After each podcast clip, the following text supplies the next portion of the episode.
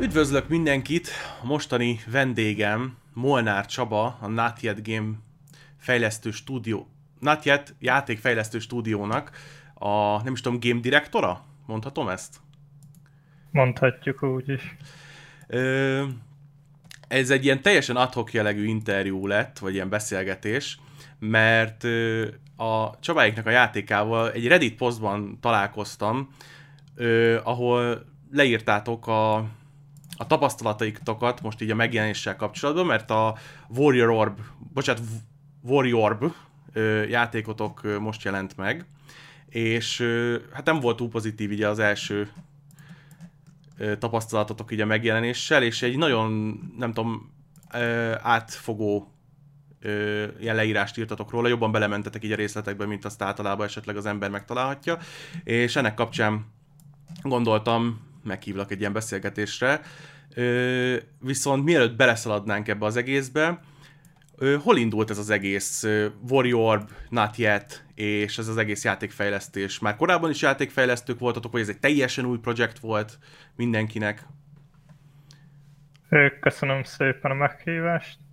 Hát az ötlet, hogy játékot akarjunk fejleszteni, az nagyon régre visszamegy igazából már általános iskolás éveink végén kezdődött először így felvetült, mint ötlet, aztán nagyon sokáig szerettünk volna játékot csinálni, meg beszéltünk róla, hogy csináljuk, meg terveztük, hogy majd csináljuk, csak nem csináltuk, szerintem ezzel elég sokan vannak így.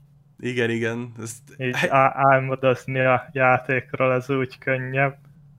Nekem is a... volt ilyen ö, felbuzdulásom, hogy én játékfejlesztő akarok lenni, aztán másfele vitt el az élet, de, de teljesen meg tudom érteni, hogy, hogy ilyen van.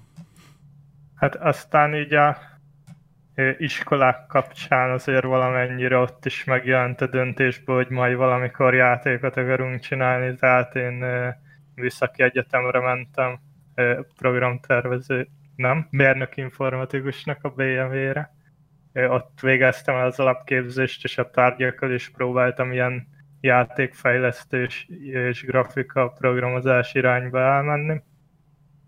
Aztán az egyetem alapképzés végén egy fél évet az egyetem mellett itt a hazai Neocore Games stúdióba dolgoztam, ugye a Van Helsing játékok, meg Warhammer játékokról híres a csapat. Utána, ez 2016 januárjában volt, utána kimentem Németországba, THU Nordicnak egy stúdiójába, ott engine programozó voltam, és ezzel egy időbe kezdtük el ezt a projektet igazából.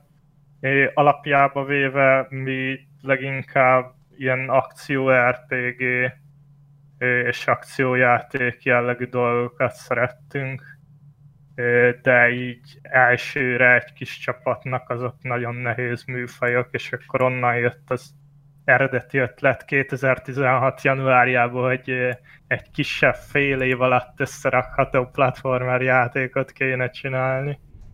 Aztán igazából az RPG elemeket így nem tudtuk elfelejteni, szóval azok így jöttek bele a játékba folyamatosan, és az eredmény ez a négy éves fejlesztési időszak van. Azt jól láttam így a, az oldalon a, a fejlesztő stúdió tagjaiban, hogy ez gyakorlatilag ilyen családi vállalkozás, vagy csak nagyon ö, érdekesen sikerült mindenkit ugyanabból a családnéből? Na, hát igen, családi vállalkozás igazából az elején ketten kezdtük a bátyámmal, ő csinálja az összes grafi, 3D-s grafikát, és ugye én programoztam, aztán később a hugunkat, aki jól rajzolt őt be, hoztuk a 2D-s artokra, meg utána besegített az environment designolásba, meg ilyesmivel is. És tehát hogy volt ennek az életútja ennek a játéknak? Tehát a, egyből úgy nekiálltatok, hogy jó, akkor ez egy kiadott játék lesz, vagy először ilyen game jamek szerűségekre vittétek, vagy ho, hogy volt az életútja? Hát kiadott játéknak terveztük, tehát nem, nem Game Jam-ből indult. Annyi volt az eredeti elképzelés, hogy ez egy kicsi valami lesz, hogy így megtanuljuk a dolgokat, de azt így menet közben az így átvariálódott. tehát nem bírtuk ki, hogy a következő nagyon jól hangzó feature-t ne próbáljuk belerakni. Aztán vagy működött, vagy nem. Ö, tehát ezt teljesen saját magatoktól kezdtétek el fejleszteni. Nem tudom, ö, kiadókhoz már csak a kommentetek el shoppingolni, vagy egyáltalán volt ilyesmi, hogy ö, a kész címet vittétek már csak, vagy már fejlesztés közben próbáltátok ezt előre hát, vinni? Hát ö, igazából nagyon a fejlesztés végen volt egyáltalán szó arról, hogy a marketing oldal miatt kellene kiadóhoz fordulni, tehát ö, akkor futottunk vele egy kört. Nem is emlékszem, hogy mondjuk egy, egy, egy évvel ezelőtt volt körülbelül talán, vagy egy kicsit ki, hamarabb. És akkor, tehát a, a, akkor már a játék legnagyobb része játszható volt, meg viszonylag jól lehetett prezentálni, hogy hol áll a játék, de nem, nem véletlenül nem sikerült így a kiadó komolyan vehető kiadó játékokkal semre se jutni, mert alapjába véve egy platformer játék az most így általánosságban nem a kiadók oldalára. É, ugye van egy kiadónak feltüntetett partnerünk a uh-huh. Steam-en, akik ők, ők kerestek meg minket Kínában, terjesztik a játékot, illetve a kínai lokalizációt készítették el és ugye velük olyan a megállapodásunk, hogy az a, abban a régióban eladott példányok után kapnak részesedést a, uh-huh. a tevékenységüket cserébe. Tehát akkor te gyakorlatilag teljesen házon belül csináltatok mindent végül is. I- igen, igen.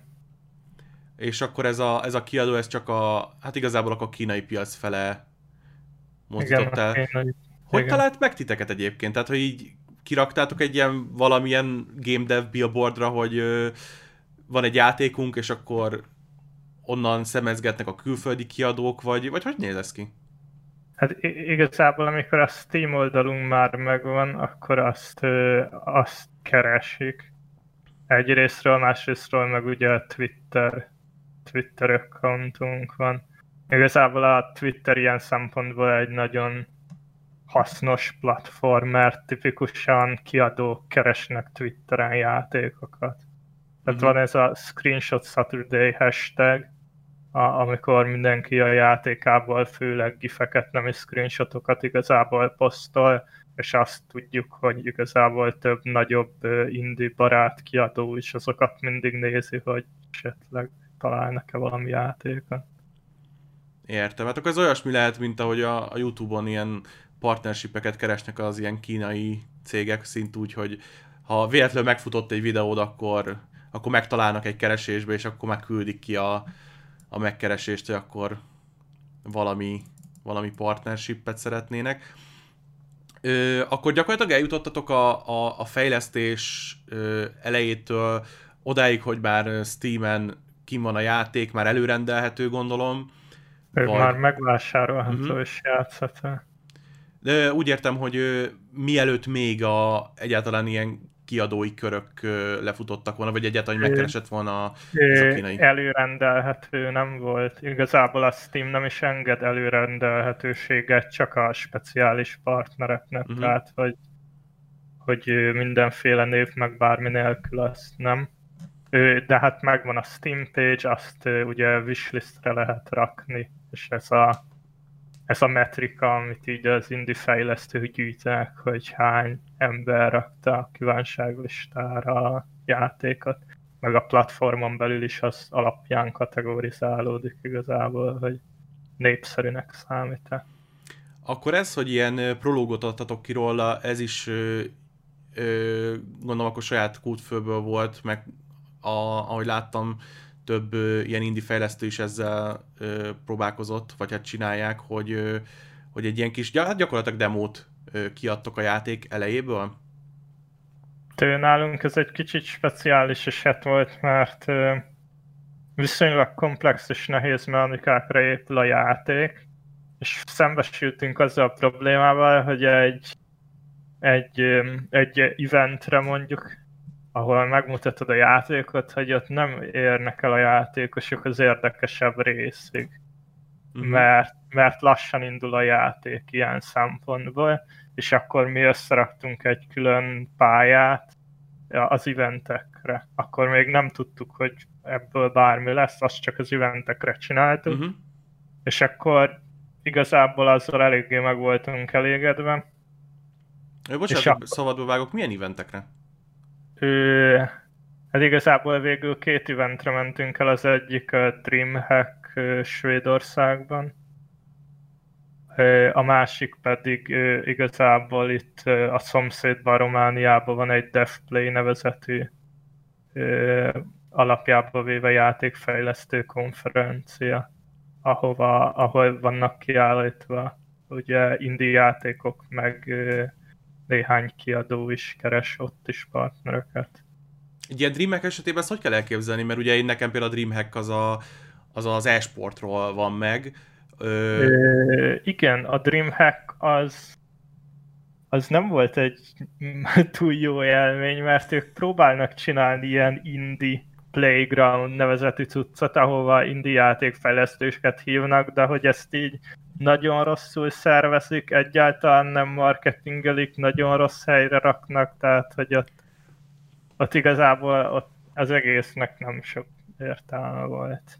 De akkor az a, nem volt egy jó élmény. Nem volt egy jó. Olyan szempontból volt jó, viszont, hogy ugye más játékfejlesztőkkel találkoztunk, és néhány elég komoly arccal is, tehát mm-hmm. így, így abban a szempontból jó volt, de de utána, amikor következő évben is hívtak minket Dreamhackre, akkor udvariasan nem mondtuk semmit.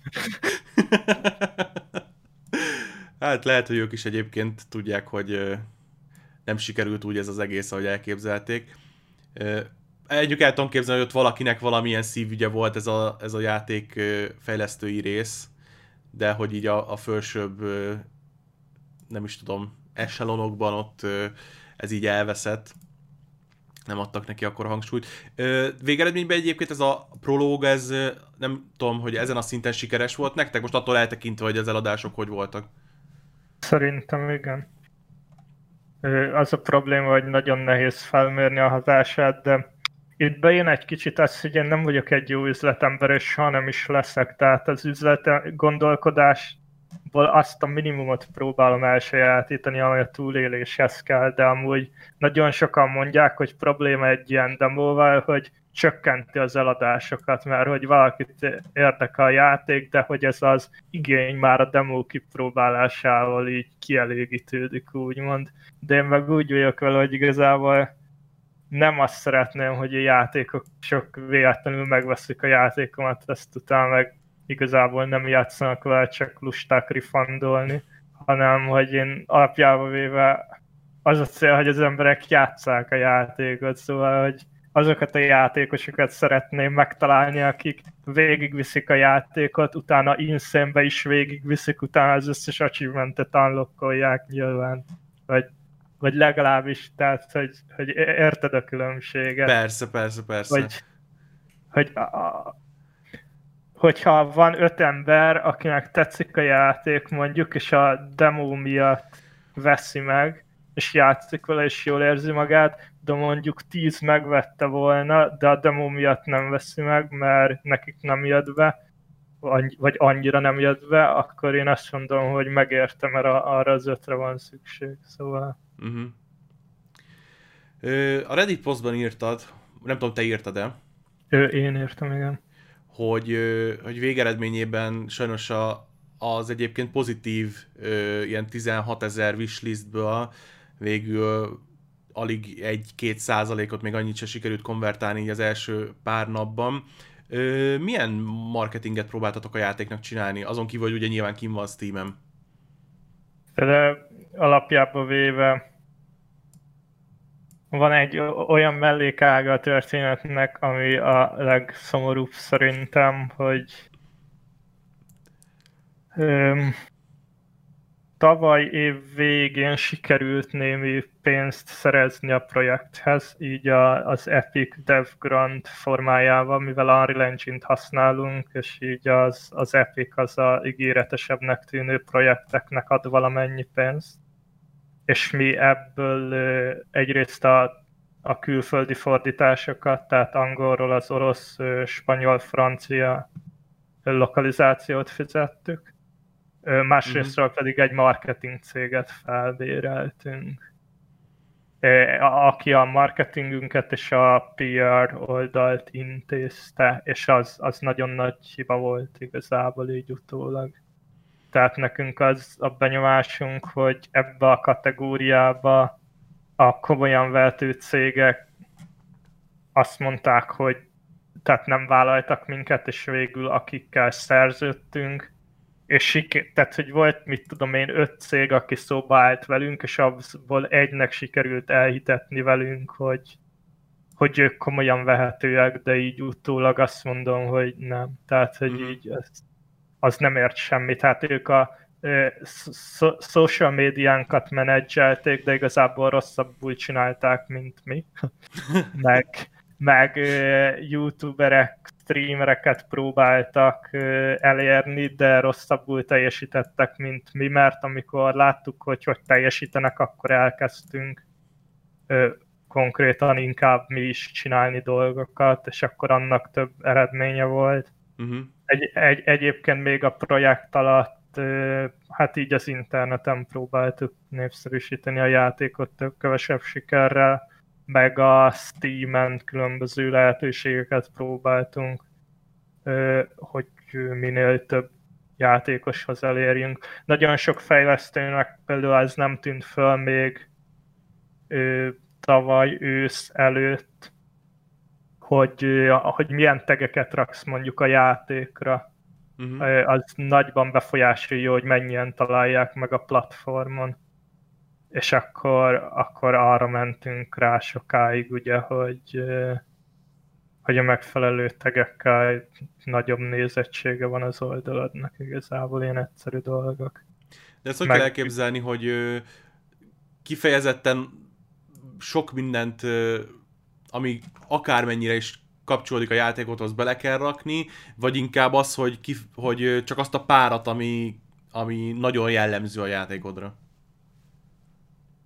Hát az első 15 tag számít, és nem vagy előrébb, ha kevesebb teget uh-huh. raksz Tehát, hogyha valami rámondható, ez ilyen lelkiismereti kérdés, hogy mit mondasz még rá, mi odáig mentünk el, hogy hogyha van egy tag, ami mondjuk végül is logikailag rámondható, de amúgy nem mondanánk rá, azt rátettük, de azért láttunk olyat is, hogy hogy konkrétan pixel art a 3D-s játékra, mint tag, mert, mert ez valamiért jó volt nekik, szóval. De egyébként ez, ez most már a múlt zenéje, mert jött egy Steam update, ami megváltoztatta a rendszert, és és most már így a meg nem jelent játékokat csak a legnagyobbakat ajánlja különösebben bárhol is, mm-hmm. tehát ö, ennek most már így nincs jelentősége.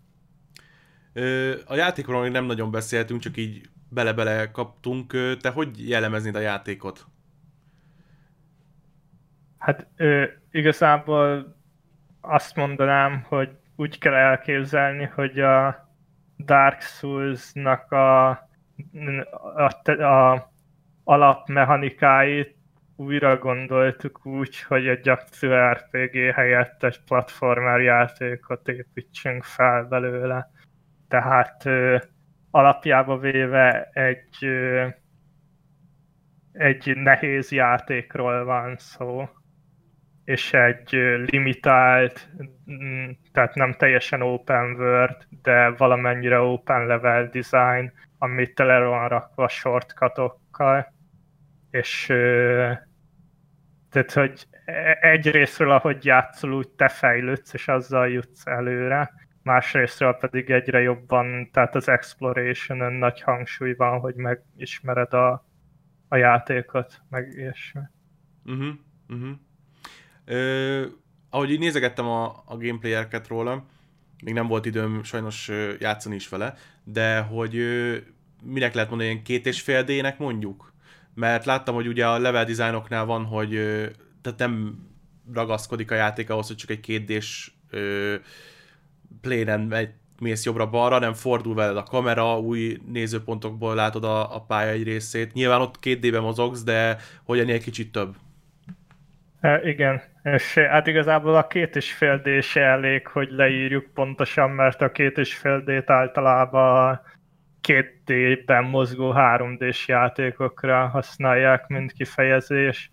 Itt, e, de, de itt ténylegesen a level design is 3D-s, tehát hogy mindig balra meg jobbra mehetsz, de ha a folyosó elkanyarodik, akkor te is elkanyarodsz. Uh-huh. És így vannak elágazások, a háttérben nagyon sokszor látsz részeket, amiket már bejártál, vagy amit majd be fogsz járni. Ez szerintem valami, ami az exploration részét a játéknak, meg a hangulatát nagyon befolyásolja, de tipikusan nehéz elmondani, vagy megmutatni trélerekbe, vagy így bárhol. Uh-huh. És igazából hogy kicsit előre szaladjak, ez az által a legnagyobb problémája a játéknak szerintem, hogy mi soha nem gondoltunk bele abba, hogy akkor ezt most hogy mutatjuk meg, vagy hogy adjuk el ezt a játékot.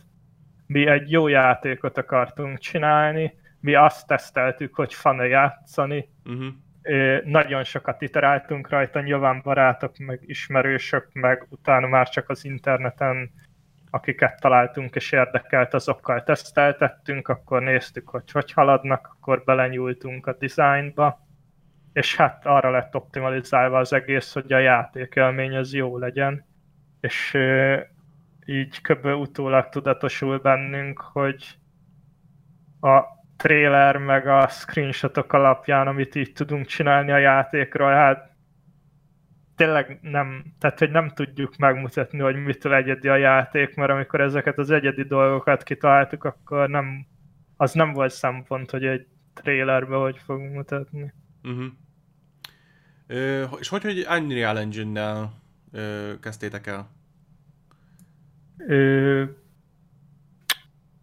erre azt szoktam mondani, hogy a Unity-nak nem volt ingyenes a Dark témája, amikor kezdtünk.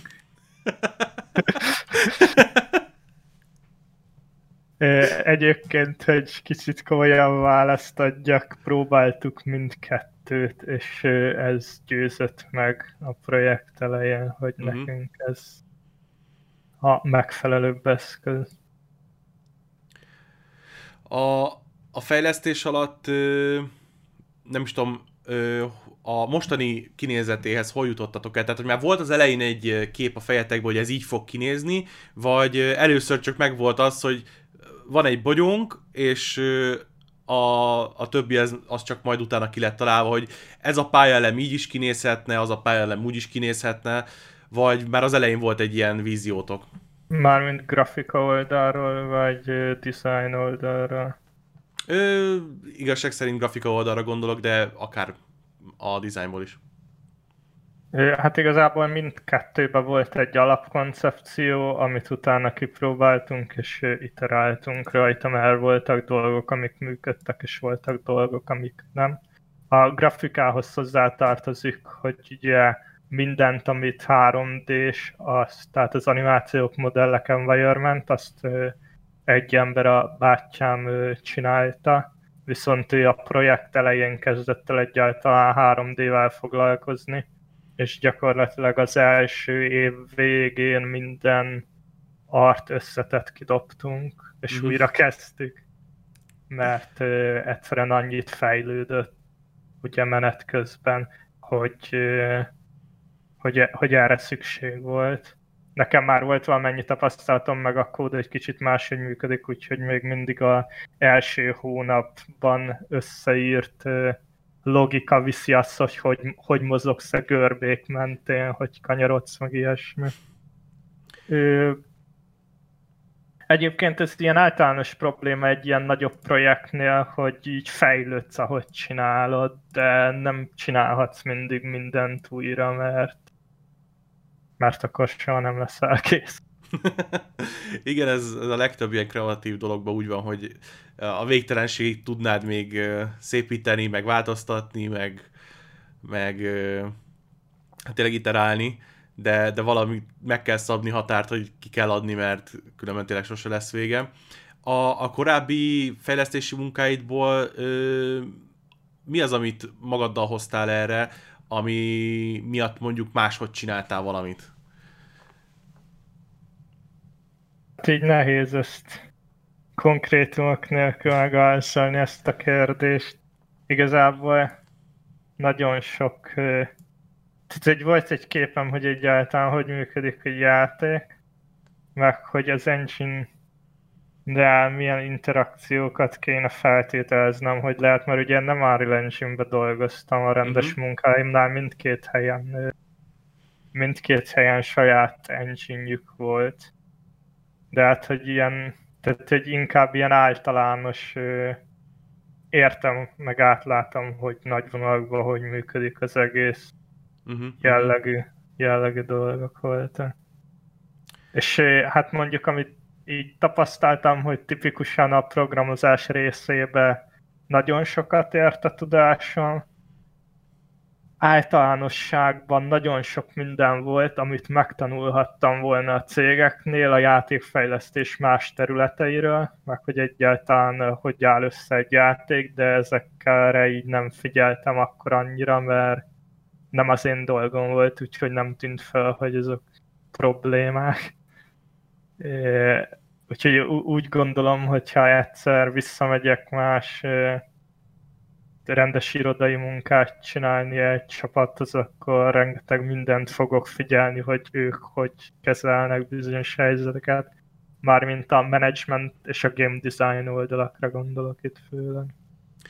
Ö, egyébként akkor ezt full time csináltátok? Tehát, hogy nem valami más mellett, hanem ennek szenteltétek az időtöket? vegyesen. Nekem az első, én úgy csináltam, hogy az első évben kim voltam Németországban, és nagyjából az volt a napom, hogy 8 óra a munka a fizetett helyen, utána elmentem fartmászni egy órát, hogy kikapcsolja, utána hazamentem, és akkor egy három órát vagy négy órát még este lenyomtam ugye ebbe a projektbe, és akkor ezt csináltam heti ötször, hétvége meg tök jó volt, mert akkor ilyen napi nyolcakat is lehetett saját projektezni. Aztán hát nyilván voltak olyan hétvégék, amikor tartottam szünetet, ha úgy volt, meg olyan is volt, hogy munkába többet kellett mondjuk dolgozni, és akkor is voltak kimaradások. Mm-hmm. Utána egy év után hazajöttem, de viszont ugyanoda távmunkáztam a következő évemet, és akkor ugyanúgy teljes munkaidő mellett csináltam, csak innen Magyarországról. Utána a harmadik évben végig csak a saját projekten dolgoztam, és a negyedik év óta van egy, egy távmunkám, ami viszont csak ilyen contract work, és ott, ott csak part-time dolgozok, tehát mm-hmm. ilyen heti 10-20 óra közötti munkát nyomok csak be oda. E, az is Unreal Engine egyébként, és azt nagy részt, hogy azt a munkát megkaptam, azt annak köszönhetem, hogy a saját projekt kapcsán nagyon sok mindent csináltam az engine-nel, és az adta azt a tudást meg reputációt, ami, ami segített megkapni ezt a munkát. Másik oldalról meg ez a munka tartotta el a projektet, úgyhogy... Aha, aha, aha. De hát akkor úgy hallom, akkor mindenki sokat tanult a, a játékfejlesztés alatt, mert hogy mondtad, hogy a testvéred az ugye emiatt kezdett el egyáltalán a 3D-vel foglalkozni? Igen, igen. Hát négy évig csinál valamit az ember, akkor csak tanul valamit. igen. Hát valamit próbál felszedni magára. Ö, a, a Reddit-es posztodba írtad, hogy utólag már lehet, hogy túl drága volt a játék, vagy ha túl drága a játék a, a Steam-en, hogy egy ilyen 18 dollárt lőttetek be, de azt is ugye discountolva 15 alá. Ö, ugye nyilván talán minden ö, minden ö, nem is tudom, munkában vagy ö, ilyen commercial dologban benne van az, hogy el akarsz adni tizet mit tudom én, 100 forintért, vagy 10 ezret 10 forintért, hogy hol, hol a jobb. Ugye azt mondtad, hogy te inkább arra ö, hajtottál, hogy, hogy olyan embereket fog meg vele, akiknek tényleg a, a szívügye lesz ez a játék. Így utólag hogy látod ezt? Hogy jól árasztátok, vagy kellett volna olcsóbbra lőni? Hát Segített nem, volna egyáltalán? Nem egy egyszerű kérdés, mert igazából nem vagyunk benne biztos, hogy mennyit segített volna. Mármint, hogy biztos, hogy valamennyivel több aladásunk lett volna, de nem tudjuk, hogy sokkal többel-e. Amikor a posztot írtam, akkor úgy gondoltam, hogy igen, különben, de uh-huh. és pár, pár nap elteltével már nem vagyok annyira biztos. Ugye a játékok árazása így eléggé szomorú igazából, mármint, hogy így játékosként, meg fejlesztőként is nézve, tök logikus, hogy mik történnek, de nem, tehát, hogy nagyon nem egészséges, hogy mi az eredménye fejlesztő oldalról ezeknek a játékáraknak. Az a probléma, hogy amit tudunk mutatni, hogy milyen a játék, az tényleg nem éri meg mondjuk azt a pénzt, amit elkérünk, hogyha competition nézzük, én úgy gondolom, hogy amit ténylegesen a játék, az, az megéri. De hát, mm-hmm. hogyha nem mutatjuk meg a játékosoknak, akkor, akkor érthető, hogy el, hogy nem, nem árasztunk jól. Viszont így általános probléma, hogy nagyon olcsók játékok a Hollow Knight, a tipikus példája, amilyen 50 óra content simán. És Igen, én is éppen azt tolom. 12 dollárért piacra dobják, és így ez nekik tök jó, csak innentől kezdve mindenki más nagyon rossz helyzetből indul. És hát ez valamennyire hozzájárul, hogy egy publisher soha az életben nem fogja azt mondani, hogy akkor ezt a platformer játékot támogatná, mert, mert egyszerűen olyan ö, a, alacsony árakat várnak el a játékosok, hogy, hogy, hogy ezzel nem lehet versenyezni.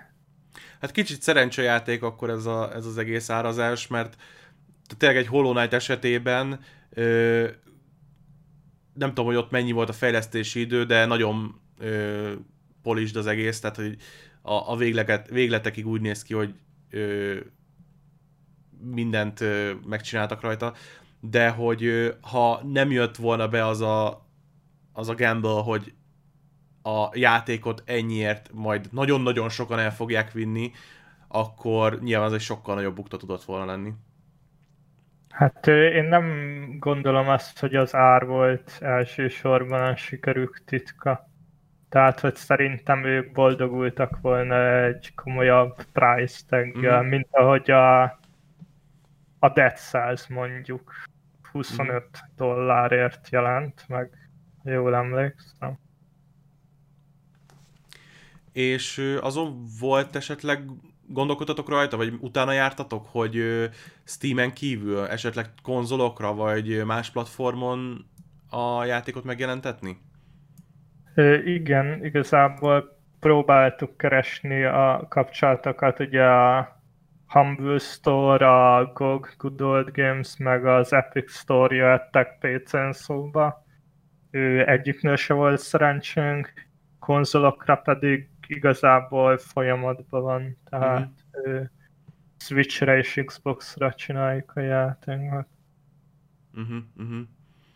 Tehát akkor ez még a távlati tervekben ott, ott pihen, hogy ő, még azért lesz életútja a játéknak így a Steam-en túl. Ö, igen, igen.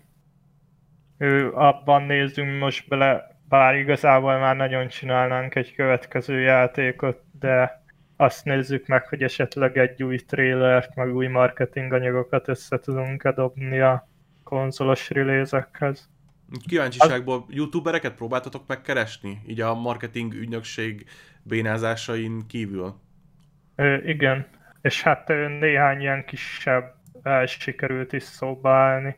Uh-huh. Aztán meg így nagyobbak igazából tehát, hogy annyi játék van, hogy nehéz meggyőzni őket, hogy a te játékoddal foglalkozzanak.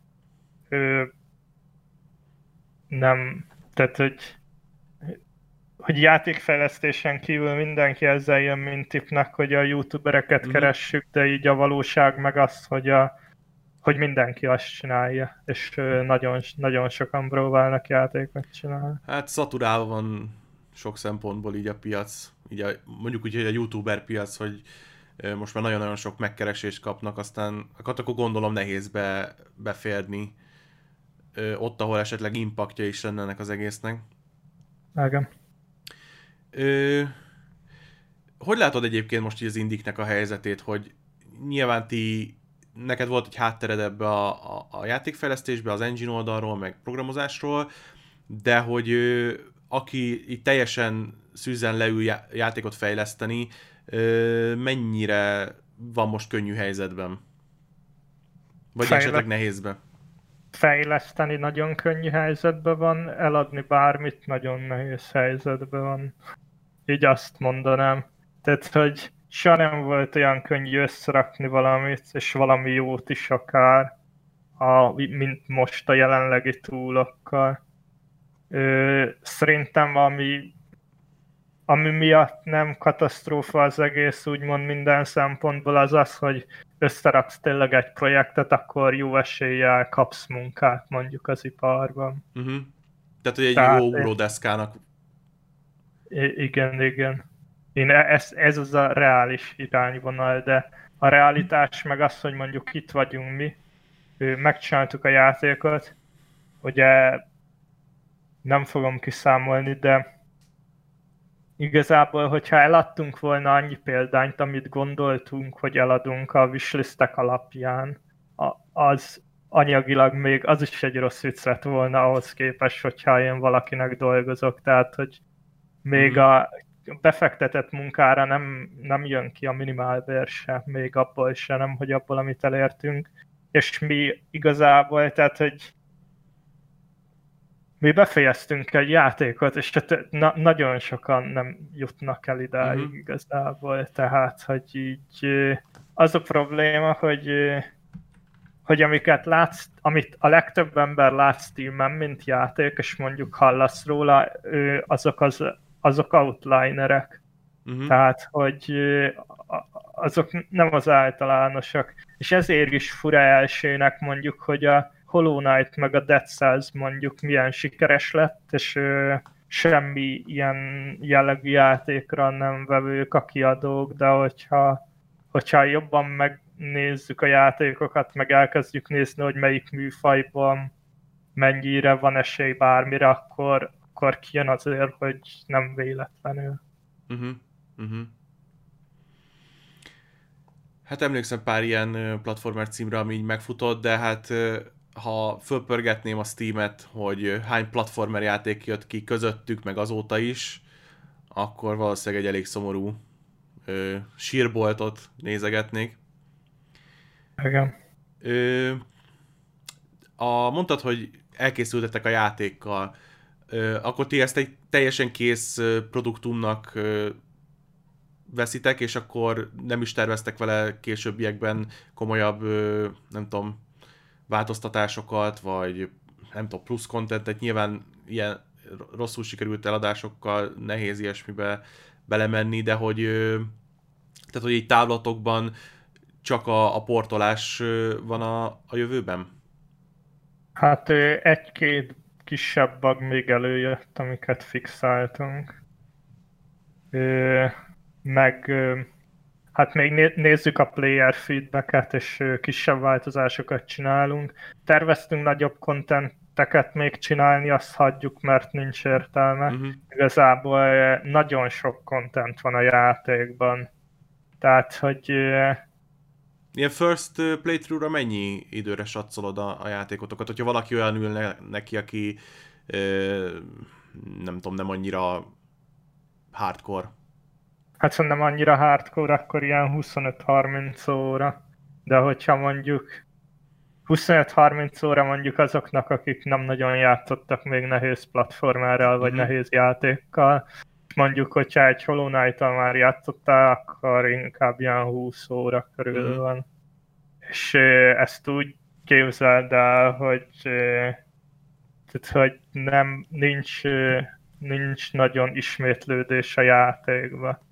Tehát, hogy folyamatosan vagy új, új elemeket hozunk be, a, tehát új dolgokat, amit tud csinálni, vagy a csapdák mások, tehát, hogy nagyjából úgy nézett ki a játék mondjuk, hogy Hát chapterökre van osztva. Három chapter van benne, meg egy befejezés. És a chapterökön belül mehetsz általában mindenhova. És akkor úgy csinálunk meg egy chaptert, hogy nem tudom, ilyen pár száz prototype puzzle összerakunk gyakorlatilag, ami mind különböző, és akkor elkezdjük rakosgatni egymáshoz képest, ugye a, ez még csak greybox szinten, hogy, hogy milyen utakat tudunk kirakni vele, hogy Aha. nyilván a könnyebbek után jön egy nehezebb, és a checkpoint köré az egész hogy van felépítve, meg mit tudom én. Ja, van benne munka rendesen. Ö, és hogy döntitek el, hogy mi az, ami mehet a játék elejére, mert esetleg könnyebb, és valami a játék végére, ami nehezebb?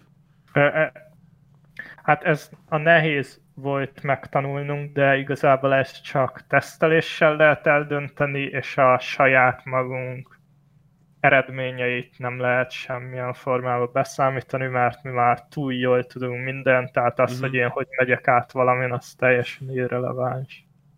Ö, ez valami, amibe sajnos túl későn vettük észre, és a játék eleje egy kicsit megszenvedte. Uh-huh. Mert ö,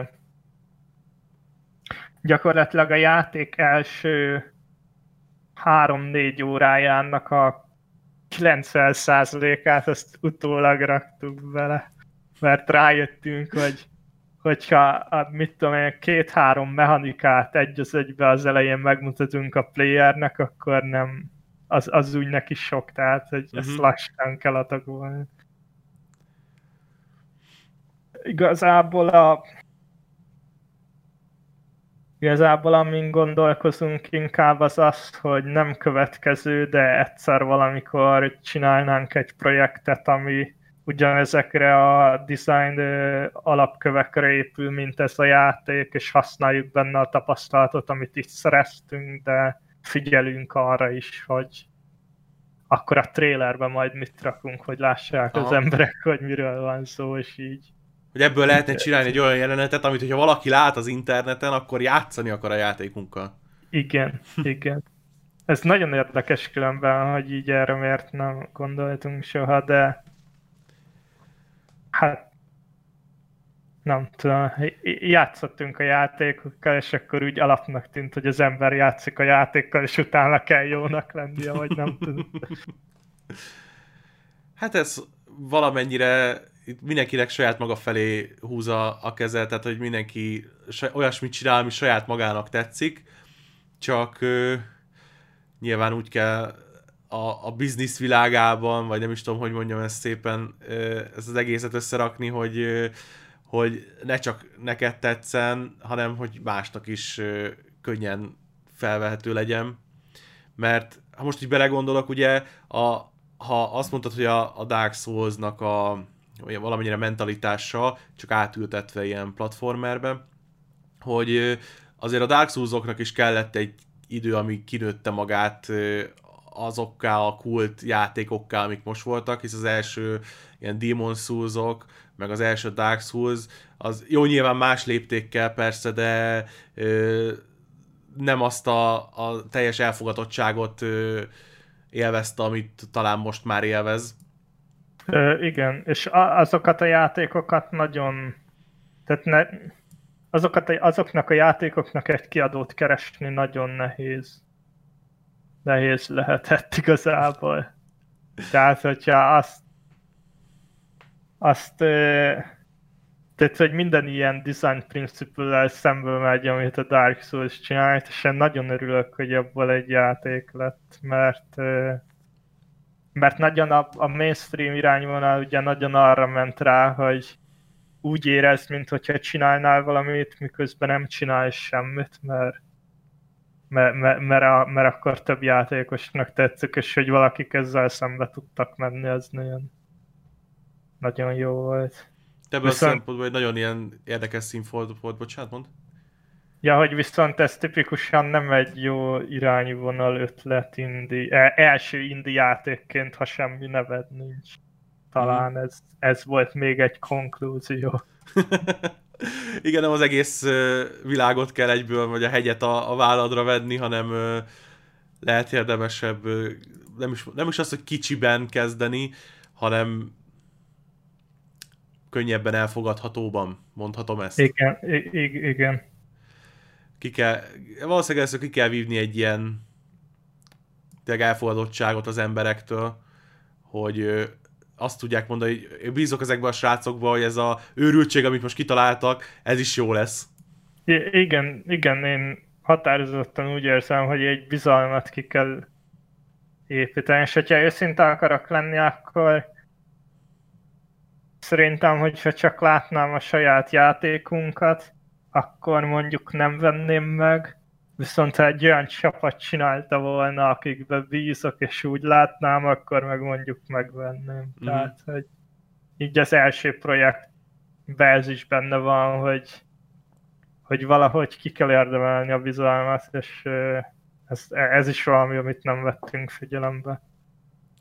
A, sokszor beszélgetek így a nézőkkel, sokszor, hát volt már rá alkalom, hogy mi lenne ezzel azzal a játékkal, hogyha végtelen pénzből fejlesztenék. Így a ti játékotokra levetítve, hogyha végtelen lehetőségetek lett volna, akkor sokban máshogy néz ki ez a játék. Tehát volt olyan aspektusa, ami nagyon nem volt olyan, amilyet megálmodtatok, mert nyilván nem volt meg az a, nem is tudom, támogatás hozzá? Igen, szerintem. Amit csináltunk volna végtelen pénzből, az az, hogy nagyon jó minőségű ilyen kétdés rajzolt intrót, meg átvezető videókat csináltunk volna mondjuk. Az valami, amivel próbálkoztunk, és annyira nem jött be, uh-huh.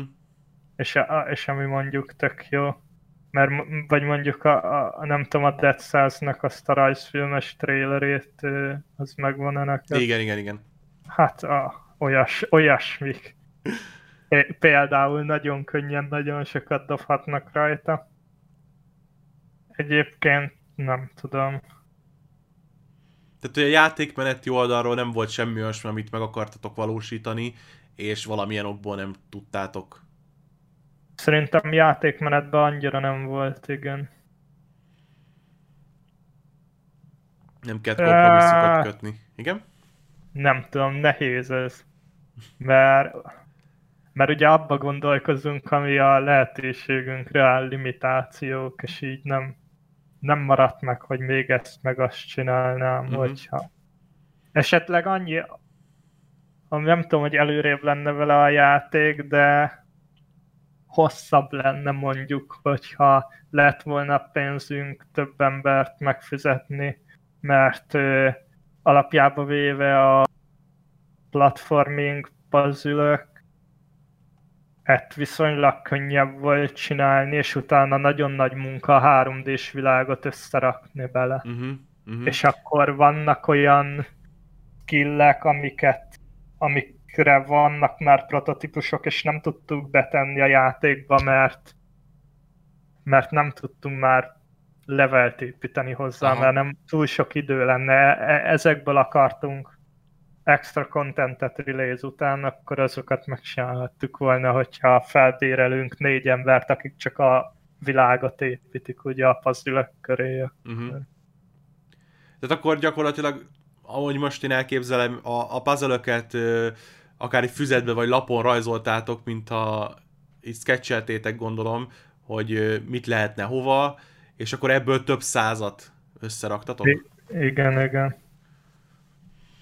És aztán volt olyan, hogy mondjuk összeraktunk egy puzzle ami Gézunak tök jó, ugye a bátyámnak, meg nekem tök jó, mert mi csináltuk az összes puzzle és mi teszteltük őket, és bárki másnak meg lehetetlen nehézség és akkor, akkor jött az, hogy szétszedjük darabokra, és megtanítjuk a játékosnak, hogy hogy tudja megcsinálni.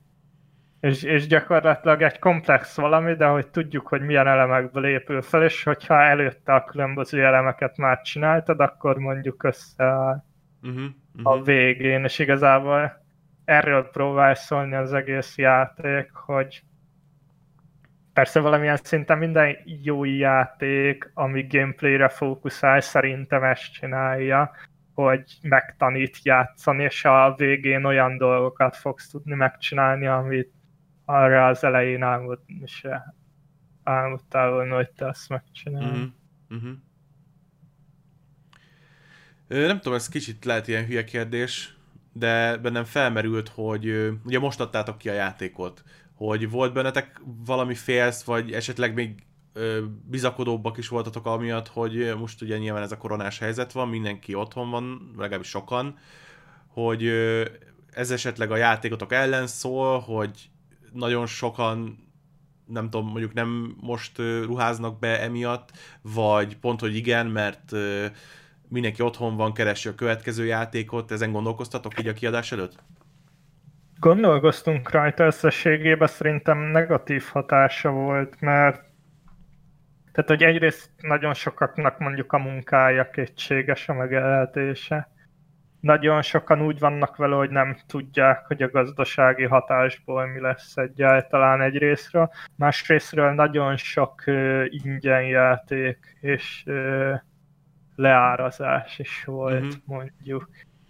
Meg alapból nagyon nagyon sok játékosnak már van egy nagyon hosszú lista, hogy mikkel akar játszani. Tehát így nem, nem hiszem, hogy tehát, hogy mi úgy, inkább úgy gondoljuk, hogy ez is hátrányosan érintett minket. Uh-huh. És, de nem volt opció az, hogy eltoljátok a megjelenést már? Nem, és nem, hát nem, nem akartuk, megtehetnénk, uh-huh. mert nem, nem arról van szó, hogy aláírtunk valami papírt egy kiadónak, és már akkor most rilézelni kell, csak nagyon régóta húzódik, és most már nem akartuk tovább. Nem akartuk tovább húzni a dolgot. Uh-huh, uh-huh. Ö, ez, így a játék után mondtad, hogy most más munkákat csinálsz, de azért, hogy vannak tervek, távlati tervek. Másik játéknak a fejlesztésébe belevágnátok így ezután? Hát még legalább egy játékot mindenképp tervezünk csinálni, igen. Hát annyi, hogy nem lesz egyszerű, mert nem vagyunk előrébb, mint eddig anyagilag, viszont mm. tehát megint az van, hogy más munkák mellett kell csinálni, viszont tudásilag sokkal előrébb vagyunk, meg meg tényleg most már olyan szempontokat figyelembe tudunk venni a legelején is, amire mondjuk nem gondoltunk. Nem tudom, hogy olvastam a történeteket, és néztem a játékot, tehát, hogy az összes jó alap ott van benne, és tényleg, amit mondtál, hogy ez a, talán ez a, a business, meg marketing oldal, hogy lehet eladni másoknak része hiányzott. Akaratva, akaratlanul, az a játék jutott eszembe, hogy Supersonic Acrobatic Rocket Powered Battle Cars, te erről hallottál? Nem. Na, viszont a kiadónak a következő játékára a Rocket League-ről hallottál? Igen. Tehát a, gyakorlatilag az a két játék az szinte teljes mértékben ugyanaz, csak az elsőt kiadták így a nagyvilágba, és senki se tudott róla gyakorlatilag. Egy pici ö, PSN exkluzív cím volt, azt hiszem, talán mások ki se jött, vagy csak sokkal-sokkal később, de hogy a, a játék elemek, amik benne voltak, azok ugyanazok, amik a Rocket League-gel iszonyatos nagy siker lett, tehát világsiker. Ö, el tudom képzelni a ti játékotoknál is, hogy, ö, tehát, hogy a, a, az alapok, amiket beleraktatok, a, a gameplay, meg tehát minden ilyen része, amíg, amitől igazából jó egy játék, az benne van, de, de itt a, a körítés az, ami nem jött hozzá össze, de egy második próbálkozásra, ahol már a körítés, tehát ahol már a, a tapasztalat meg minden adott, a, a játékmechanika, stb., utána már tudtok arra koncentrálni tényleg, hogy a, a körítés meg legyen, akkor én tudom képzelni, hogy a következő az, az sokkal-sokkal sikeresebb lesz. Mert tényleg az alapok minden ott van. Hát mi is arra jutottunk, hogy ha nem is garantáltan sokkal sikeresebb, de sokkal jobban eladható, sokkal jobb is lenne a játék, de Tehát, hogy most ezt a játékot négy év volt összerakni, egy kicsit több. A következő is két-három év lenne legalább, és abban nem, nem akarunk most rögtön utána belekezdeni. Tehát most egy kisebb, más milyen jellegű dolgot szeretnénk uh-huh. csinálni. Viszont azt az egy kicsit olyanabb, hogy hogy tehát több üzleti megfontolást is belerakunk, de mindenképpen a játék az első szemléletet megtartjuk, mert mert hogyha már csak azt néznénk, hogy anyagilag hogy a legjobb, akkor igazából hagyjuk az egészet, és megyek dolgozni, mert úgy a legjobb anyagilag. De ja, most, most egy kisebb, gyorsabban összerakható valamit próbálunk csinálni, amiről én úgy gondolom, hogy olyan közösséget céloz meg, akiknek van igényük játékokra, és nincs elég mm-hmm. játék. Tényleg így a teljesen átsiklottam fölött, de így a videójátékiparnak most már baromi nagy része. Ö, mobil megjelenésen gondolkoztatok, hogy át lehetne ültetni a játékot? Ő, nem, egyáltalán, egyáltalán nem mobil device kompatibilis, mert az tehát, hogy az alap irányítási mechanika komplex, és nem tudnád mm. rendesen kontroller nélkül, vagy billentyűzet nélkül játsz. Meg egyébként mobilon még sokkal nehezebb eladni bármit, mint PC-n, szóval. Uh-huh. Igen, ott mondjuk talán még sokkal-sokkal többen vannak, még úgy is, hogyha azt nézed, hogy a streamen is rengetegen vannak most már, minden napra jut valami megjelenés. Igen. Ö, amit akartam még kérdezni, most egy kicsit ilyen hot topic, de így videójátékfejlesztői szemmel, hogy látod ezt a, ezt a crunch dolgot? Tehát, hogy iszonyatosan mindenkinek oda kell feküdni, és élet nélkül fejleszteni. Ahogy elmondtad, azért te odafigyeltél, vagy hogy odafigyeltetek arra, hogy ne vonj el az egész életeteknek az összes szabad percét, hanem inkább, hogyha úgy érezted, akkor ö, hegyet másztál, meg mit tudom én micsoda, de, de hogy látod ezt így az iparba? Hát szerintem itt az a probléma, hogy hogy ami a legnagyobb előnye a játékfejlesztésnek, az a legnagyobb hátránya is. Tehát, hogy az emberek szeretik csinálni, mert nagyon nagy mennyiségben olyanok dolgoznak játékiparban, akik szeretik a játékokat, és szeretnek játékokat csinálni. És ez nagyon könnyen e, kihasználható igazából. Uh-huh. És ez nem, nem egy szerencsés dolog. Örülök neki, hogy vannak nagy nevek is, akik ezzel ellen felszólalnak igazából. Én szerencsés voltam, mert mindkét cég, ahol dolgoztam, ők nagyon dolgozóbarátul álltak a kérdéshez. Tehát volt, hogy volt, hogy tényleg az volt, hogy egy demót időre meg kellett csinálni, és akkor elszaladtak az órák, de az vagy fizetve volt, vagy visszakaptad utána. Uh-huh. Tehát, tehát szerintem ez normális, ez máshol is így van. Amiket hallok, az nem. tehát, hogy tehát, hogy hónapokig, e, tehát, hogy ahol én dolgoztam, ez most mit tudom én, egy fél évben három napról volt szó, de hogy hónapokig folyamatosan egész nap bent tartanak, az nagyon rossz, meg az is nagyon rossz, amikor kialakul az a légkör, hogy igazából úgy érzed, hogy neked ezt csinálni kell, mert mindenki más csinálja. Uh-huh. Tehát, hogy ez, ez, ez nagyon rossz kultúra, és igazából hosszú távon nem fenntartható. Tehát, hogy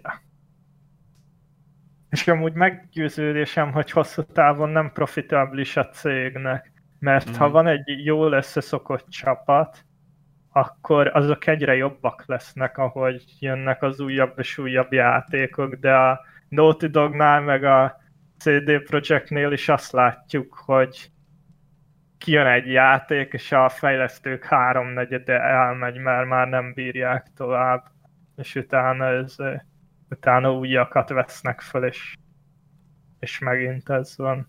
Uh-huh. De hát most azon gondolkozom, hogy az ilyen crunchos dolgok, hogy bekerülnek egy ilyen nagy cégbe, csinálnak egy ilyen nagy játékot, utána ezek az emberek, ezek indie fejlesztők lesznek, mert talán nincs annyi nagy játékfejlesztő cég, aki ezt a folyamatos cserélődést föl tudná venni, vagy esetleg azt az egész játékfejlesztői közeget ott hagyja és keres valami mást? Nagyon sokan ott hagyják, főleg programozó oldalról, mert tehát ez a rész is érdekes, hogyha konkrétan a foglalkozásokat nézed, akkor a programozók vannak a legjobban megfizetve játékfejlesztésen belül. De ha azt nézed, hogy ugyanez a programozó ugyanazzal a tudással elmehet navigációs szoftver fejleszteni, vagy bármit, akkor, akkor rosszabb a bére játékfejlesztésbe alapjába mm-hmm. véve, mert többen vannak itt szívesen. Tehát programozók nagyon gyakran ott hagyják a játékipart több emberről is hallottam, akiknek a első lépés ki az konkrétan pont a navigációs szoftverfejlesztés.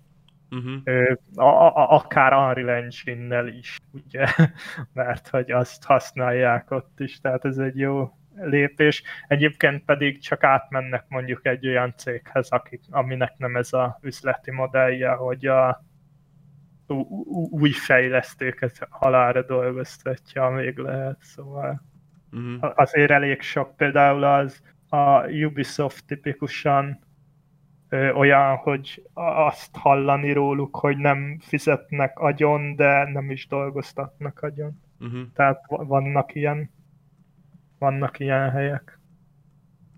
Így, hogy voltál már nagy fejlesztő csoportnál is, meg most csináltatok sajátot is, te visszavágynál valamilyen formában egy, újra egy ilyen, ilyen nagy céghez? Vagy már csak ilyen bedolgozó formában? Hát én ilyen közép kategóriás cégeknél voltam inkább, tehát ez a 30-40-50 körüli fejlesztő csapat uh-huh. volt mindkettőben. Hát megmondom őszintén, az iroda hiányzik, hogy hogy több programozóval beszélek, az is hiányzik, hogy, hogy nagyobb csapatba dolgozok, az is hiányzik, hogy van fix fizetés, az is hiányzik. Tehát viszont a másik oldalról meg a saját ötleteimen sokkal jobban szeretek dolgozni. Meg van valami szépsége annak, amikor a saját hülyeséged miatt szívsz, és nem a másik miatt. Tehát, hogy így mindkettőnek maga az előnye, a hátránya. Most mindenképpen futunk még egy kört ugye a következő projekttel, ami mellett csak ilyen kontraktmunkákat akarok csinálni, uh-huh. de el tudom képzelni, hogy utána esetleg esetleg fut, tehát hogy gondolkozok, hogy ezt a nagyobb, tényleg nagyon nagy kategóriájú céget is megnéztem, amit amiről nem tudom, hogy milyen, mert abban még nem dolgoztam. Uh-huh. Én egy kicsit úgy értem, hogy, hogy nem lenne nekem való, mert mert hogy egy nagyon nagy cégnél sokkal kevesebb relatíva különbség, amit csinálsz.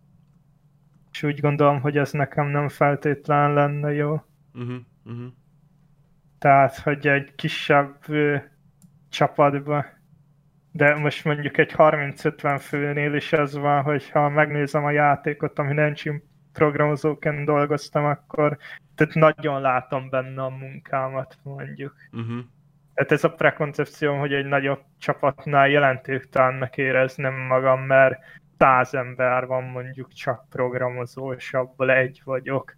Még a 30 fős csapatban 10 voltunk programozók, és mindenkinek volt saját részfeladata, tehát részterülete. Uh-huh. És mi, mindenkinek a végtermékből ugye több a munkája. De szociális oldalról meg sokkal jobb egy nagy cég igazából. Uh-huh. Ö... És mondd csak, bocsánat. Tehát, hogy valami ilyesmit gondolok, nem tartom annyira reálisnak, hogy sikerülne eljutni, hogy a saját céget mondjuk így növeljük. Én amíg bírom ezt így csinálni, hogy kontrakt munka mellett saját munka, addig csinálom, tehát még legalább egy jobb esetben több játékra is utána pedig szerintem megnéznék egy nagyobb céget, hogy azt is lássam, és mondjuk hosszú távon meg egy középkategóriáshoz mennék vissza. amikor mondjuk már kevesebbet akarok uh-huh. dolgozni, és már esetleg mással is foglalkozni, így, így képzelem most el, aztán majd kiderül. És mivel mondtad, hogy voltál itt Magyarországon is, hogy látod itt a magyar helyzeteket? Tehát, hogy itt mennyire könnyű, nehéz, inkább külföldre érdemes menni, vagy mindenki, aki videójáték fejlesztésre akarja adni a fejét, az először nézze meg magát itthon, próbáljon bejutni, vagy itt annyira tele van a, a magyar fejlesztőkkel, hogy már az se járható út? Programozóként szerintem egyszerű, vagy én úgy éreztem, hogy egyszerű itthon boldogulni. Uh-huh. A többi területről annyira nem, nem tudok. Mert itt ugye az a probléma, hogy hogy a nagyon nagy százalékba kimennek külföldre, a, a, akik megtehetik. És ezért igazából munkaerő hiány van inkább. Uh-huh. És ezért ezért van lehetőség.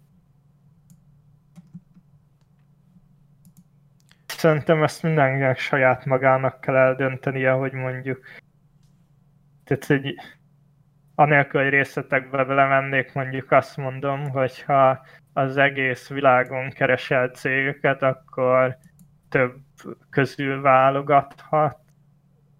Viszont, hogyha, hogyha vannak dolgok, amik jobban hazakötnek, és mindenképp itthon szeretnél maradni, akkor, akkor is van miből választani igazából. Uh-huh. Tehát, hogy így ezt ne, neked kell látnod. Uh-huh, uh-huh. Hogy, hogy a te életed az, hogy, hogy lesz jobb. Ö, egyébként találkoztat, te mondtad, hogy kim voltatok a Dreamhack-en, és ott ö, több fejlesztővel is ö, kontaktoltatok meg minden. Ö, nem tudom, találkozatok hasonló sztorival, mint a tiétek? Tehát, hogy megcsinálták, összerakták, kiadták, és hát így nem jött össze? Első körbe? Ö, igen. Ez nagyon gyakori. Tehát, hogy ez gyakoribb, mint az, hogy összejött mhm. igazából. Mm-hmm. Nem is csak eventeken, de akár az interneten is. Egyébként az egyik dolog, amiben belefutottam, az az, hogy hogy ugye volt az a cikk, amire hivatkoztam, ami egy néhány példa alapján próbált felvázolni, hogy ha ennyi wishlisted van, amikor release a játékot, akkor első héten mennyit adsz el. És hogy ahhoz képes lett nagyon rossz a számunk, de miután az miután publisholtuk ezt a posztot Redditen, utána beszéltünk más fejlesztőkkel, és és úgy nézett ki, hogy ez inkább az általános mintakivétel, tehát, hogy... Tehát akkor ez a cikk, ez a Jake, nem is tudom kicsodának, Jake Birkettnek a cikkje, akkor ez inkább egy kicsit ilyen lázálom, vagy vágyálom, vagy nagyon ö, sarkított példa olyan nem reprezentatív játékokról. Igen, szerintem általánosságban akik úgy szerepeltek, mint mi, azok nem küldték a számaikat uh-huh. sehova. Mondjuk ez teljes, tehát ez legtöbb esetben így van egyébként, hogy ha, ha nincs mit csinálnod vele, akkor utána nem házalsz még, hogy te egyébként ilyen rosszul sikerült az eladásunk, rakd bele a statisztikádba, nem tovább lépnek. Ez az egyik, a másik meg az, hogy ugye a név, hogy tehát tipikusan nem azokat a játékfejlesztőket fogod ismerni, akiknek nem lett sikeres a játékuk, mert velük találkozol, a, az ő nevükkel találkozol a legkisebb eséllyel mondjuk. Tehát uh-huh. Ez az egyik oldal, másik meg, hogy tényleg az egy elég régi, régi hír. Tehát és tényleg így, és azt meg nem tudom, hogy egyáltalán bárki volt-e a, a, a a fejlesztők közül, akiknek a számaival számolt, akiknek mondjuk ez az első játékuk lett volna. Uh-huh. Ö... Azt hiszem minden kérdésemre, ami így eszembe jutott, megválaszoltad. Nem tudom, hogy van-e esetleg, amit még szeretnél elmondani. Nem tudom, nem jut eszembe itt semmi. Hát akkor nagyon szépen köszönöm, hogy a, az időt rászántad, és beszélgettél velem így a, a játékotokról, meg, meg így az egész ilyen fejlesztési kultúráról, meg hát gyakorlatilag mindenféle ehhez kapcsolódó dologról. Hát én mindenkinek tudom ajánlani, hogy nézze meg a játékotokat, mert egyébként tehát igényes munka, és nyilván nem mindenkinek való, mert ahogy a Dark Souls sem mindenkinek való, de az emberek meglepődnének, hogy egyébként mennyi embert érdekelne, úgyhogy nem is tudnak róla. Úgy... Köszi szépen a lehetőséget, remélem, hogy érdekes és informatív volt a beszélgetése. Teljes mértékben, nagyon szépen köszönöm. Még egyszer szeretném megköszönni nektek a figyelmet és Csabának a beszélgetést. Az utolsó pillanatban derült ki, hogy Csabának nem akar a kamera életre kelni, úgyhogy a videós verzióban ezért csak nálam van kép. Ha tetszett a beszélgetés és hallgattátok még többet, kommentben vagy Discordon írjátok meg, hogy kit hívjak meg legközelebb. A Patreonosoknak köszönöm a támogatást és a türelmet, találkozunk legközelebb. Sziasztok!